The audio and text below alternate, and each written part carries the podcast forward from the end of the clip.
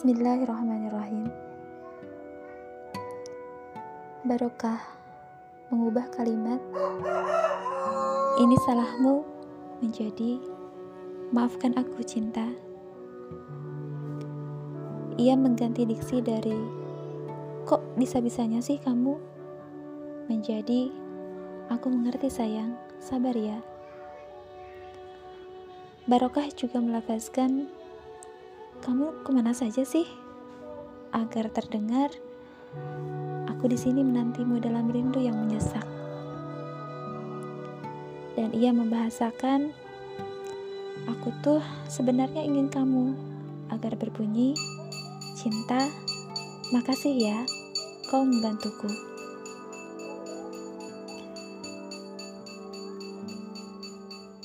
Cara berpikir kita masih berbasis objek yakni dia. Hatinya berkata, "Wah, saya harus perbaiki diri dulu nih. Soalnya kalau enggak, belum pantas dapat istri dia." Astagfirullahalazim. Saya kemudian mencoba menggariskan ulang bahwa perbaikan diri harus berbasis subjek, yakni saya. Hilangkan semua kepedulian dan ketergantungan pada hal-hal di luar saya. Itulah ikhlas. Tidak peduli ada atau tidak ada dia, saya harus terus melakukan perbaikan diri. Bukan untuk ukur-mengukur, pantas nggak dapat dia. Apalagi kalau dianya definitif. Itu terlalu cetek untuk menjadi tujuan sebuah perbaikan diri yang nantinya prosesnya terus-menerus yang kita lakukan setelah menikah dan sepanjang hidup. Soal siapa yang jauh lebih baik dari kita, tak ada waktu menebak-nebak. Biarlah itu urusan Allah. Sampai pada kondisi kita serius untuk memproses pernikahan, lalu ada ikhtiar, dia akan bukakan rahasia dengan mudah, insya Allah.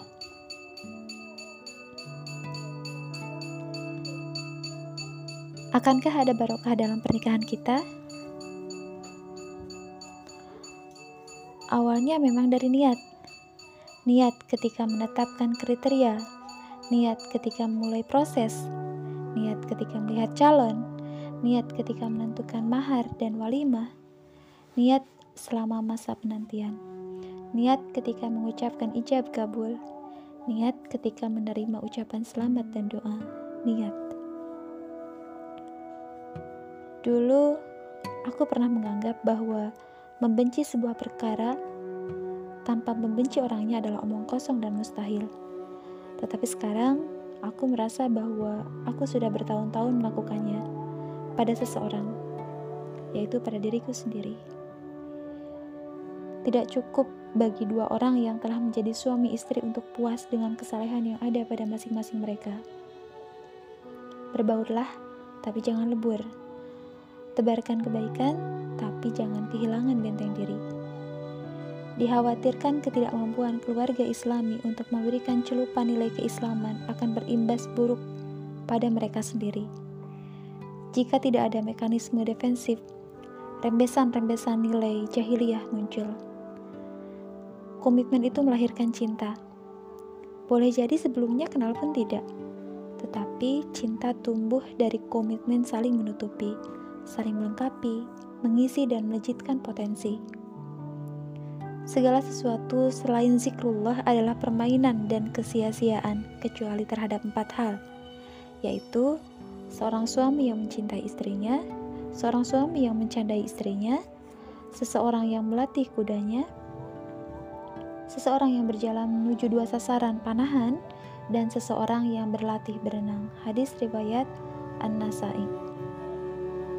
Rasulullah Shallallahu Alaihi Wasallam menyebutkan bahwa seorang mukmin berada pada kondisi niat suci, keikhlasan paripurna, dan kesadaran mendalam pada kebesaran Allah hanya saat-saat, hanya saat-saatan, hanya sesaat-saatan saja. Orang sukses biasanya hanya akan tersenyum saat ditanya tentang keberhasilannya. Sementara orang-orang gagal akan banyak bercerita tanpa diminta. Cinta selalu membutuhkan kata. Tidak seperti perasaan-perasaan yang lain. Cinta membutuhkan kata lebih dari apa pun, maka cinta berkembang dalam jiwa. tiba-tiba kita merasakan dorongan tak terbendung untuk menyatakannya dalam kata. Sebatas sorot mata, takkan mampu mengungkap semuanya.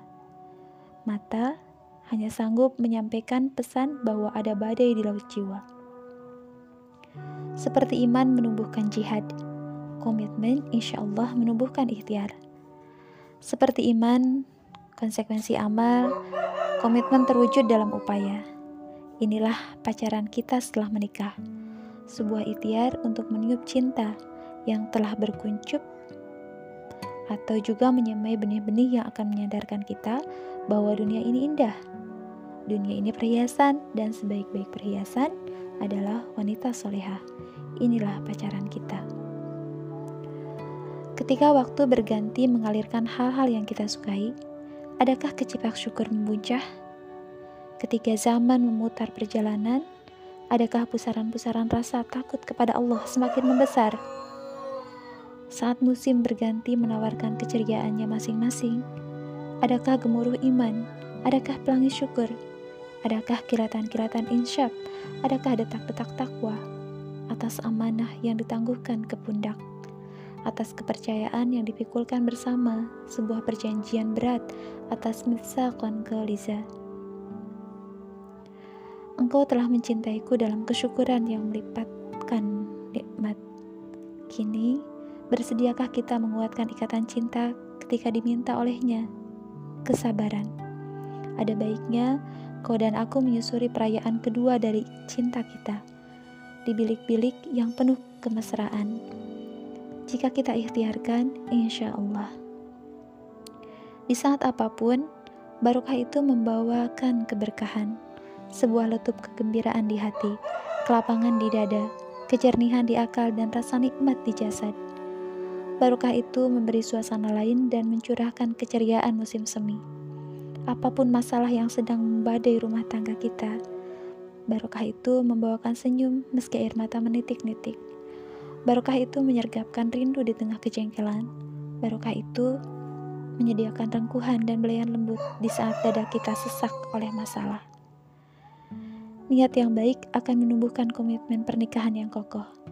Ketika seseorang dikuasai oleh komitmen yang mantap, hatinya disibukkan oleh untuk melakukan yang terbaik bagi keluarganya.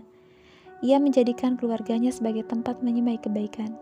Ketika ia bersikap mesra kepada istrinya, ketika ia bersikap kesar, mesra pada istri, itu dilakukan bukan hanya untuk memperoleh gairah seksual yang tak terbayangkan, melainkan memenuhi perintah Allah untuk bergaul dengan mereka secara ma'ruf.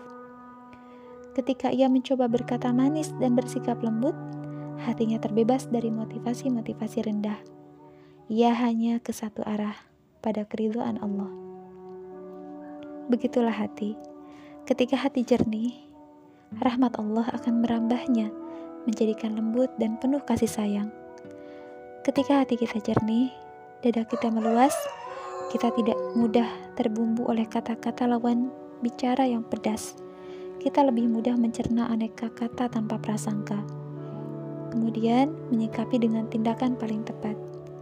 Ketika hati jernih, maka pikiran kita bening dan kepala dingin. Lisan pun hanya menghembuskan wangi dan meniupkan sejuknya akhlak yang ada dalam diri. Begitulah hati. Ketika hati kita kasar, maka sikap kita menjadi keras. Tidak ada kelembutan, dada kita menyempit. Mendengar sesuatu yang sebenarnya belum kita pahami maknanya, jiwa kita dipenuhi prasangka. Menebak-nebak maksud mereka yang berbicara pada kita dan bersinggungan di arena kehidupan. Maka tiap orang akan merasakan aroma neraka tiap kali kita berbicara. Mereka merasakan sakit, seolah setiap huruf yang terucap dari lisan kita adalah pedang-pedang yang menyambit. Maka mereka minimal hati mereka berlari menjauh meninggalkan kita. Apa jadinya kita? Apa jadinya jika yang demikian dirasakan oleh orang yang paling dekat dengan kita, istri kita? Maka cinta menjadi sesuatu yang mahal harganya dalam rumah tangga kita. Dan akhirnya segalanya terasa hampa. Masalah hati, dada kita dipenuhi prasangka yang kurang baik kita suka menebak-nebak maksud pembicaraan orang. Kita melakukan jumping to inclusion. kita melakukan jumping to conclusion, lompatan ke kesimpulan. Bukan saja membuat kita ataupun lawan bicara kita dongkol. Pembicaraan yang terpotong mengakibatkan terjadinya blocking.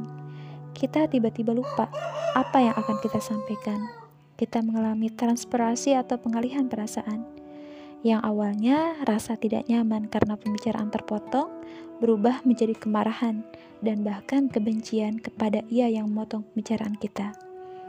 Jika ini yang terjadi dalam kehidupan rumah tangga, akibatnya adalah kejengkelan yang bertumpuk dan rasa tak sanggup lagi untuk hidup bersama. Menerangkan sesuatu tanpa diminta kadang menunjukkan salah satu di antara dua hal bagi lawan bicara, kesombongan atau kebodohan kita. Perilaku menerangkan ketika lawan sedang asyik bercerita, apalagi kalau dia sedang menjelaskan persoalan yang mendesak, bukan sekedar membuat pembicaraan terpotong tapi mengaburkan arah pembicaraan. Alurnya menjadi kabur, terlalu banyak dibumbui oleh penjelasan-penjelasan kita. Padahal meski dibutuhkan pun, menerangkan pada waktu yang tidak tepat dapat membuat orang ngambek.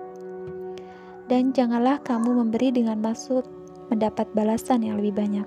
Surat Al-Mudasir ayat ke-6 Sudut pandang tawadu akan membawa kita melakukan yang terbaik tanpa menuntut berlebihan dari pasangan. Dan di sanalah kita akan merasakan karunia Allah dengan adanya suami di sisi lebih besar dari harapan-harapan. Maka kita lebih peka untuk bersyukur, maka selanjutnya Allah akan menambah nikmat. Alangkah berharganya kesediaan mendengarkan. Alangkah bernilainya jika kita tak hanya bersedia mendengarkan sesuatu yang menyenangkan, tetapi juga hal-hal yang menyulitkan. Engkau tidak akan pernah mencukupi manusia dengan hartamu, maka cukupilah mereka dengan wajah ceria dan akhlak yang baik. Pernikahan merupakan ikatan paling dalam, paling kuat, dan paling langgeng yang memadukan antara dua anak manusia. Ia meliputi interaksi paling luas yang bisa dilakukan oleh dua orang. Ia adalah ikatan jiwa, keterpautan ruh, perpaduan akal dan penyatuan jasad, Sayyid Kutub. Buku ini tidak membahas hanya tentang keindahan pernikahan, melainkan juga susah, permasalahan, dan tantangan yang menanti mereka yang menjalani kehidupan rumah tangga. Dari topik menyenangkan tentang hubungan dalam rumah tangga hingga topik yang tetap wajib diilmui, semisal perceraian dan poligami. Maka dari kisah Uqail bin Abi, bin Abi Talib, kita belajar bahwa betapa lengkap doa yang diajarkan Rasulullah Shallallahu Alaihi Wasallam untuk mereka yang menikah. Barakallahu laka wa baraka alaika wa jama'a bainakuma fi khair. Ada dua kata barokah yang ber, yang preposisi yang berbeda. Barakallahu laka, barokah kepadamu, dan barokah alaika, barokah atasmu. Barokah yang pertama memaknai harapan kita pada hal-hal yang disukai dan barokah yang kedua menyeratkan doa kita senantiasa barokah ada dalam yang tidak kita sukai. Kemudian seperti doa ini pun ditutup dengan wajah ma'abainakuma fi khair. Semoga Allah menghimpun kalian berdua dalam kebaikan. Buku ini ditutup dengan maksud bahwa keluarga muslim bukanlah keluarga yang selesai dengan urusannya sendiri ada tatanan masyarakat yang menanti haknya ditunaikan dengan kewajiban kita. Ada pengingat, terutama untuk laki-laki maupun yang sudah menikah, bahwa pernikahan adalah perjanjian yang kokoh atau mitsakon geliza. Rasa yang sudah menikah bahwa menikah adalah perjanjian yang kokoh. Mitsakon geliza. Rasa yang sudah disebutkan tiga kali oleh Allah dalam Al-Quran saat Allah mengambil perjanjian yang agung dengan nabi-nabi pilihannya saat Allah mengambil perjanjian yang berat atas Bani Israel hingga ia angkat gunung Persina di atas kepala mereka. Saat Allah mengingatkan kepada para suami bahwa istri mereka telah mengambil perjanjian yang kuat dari mereka. Celakalah engkau, ucap Umar ibnu Khattab radhiyallahu an. Apakah pernikahan hanya dibangun di atas cinta? Lalu di manakah takwa, tanggung jawab, dan rasa malu? Semoga keberkahan melingkupi di setiap sudut kehidupan kita.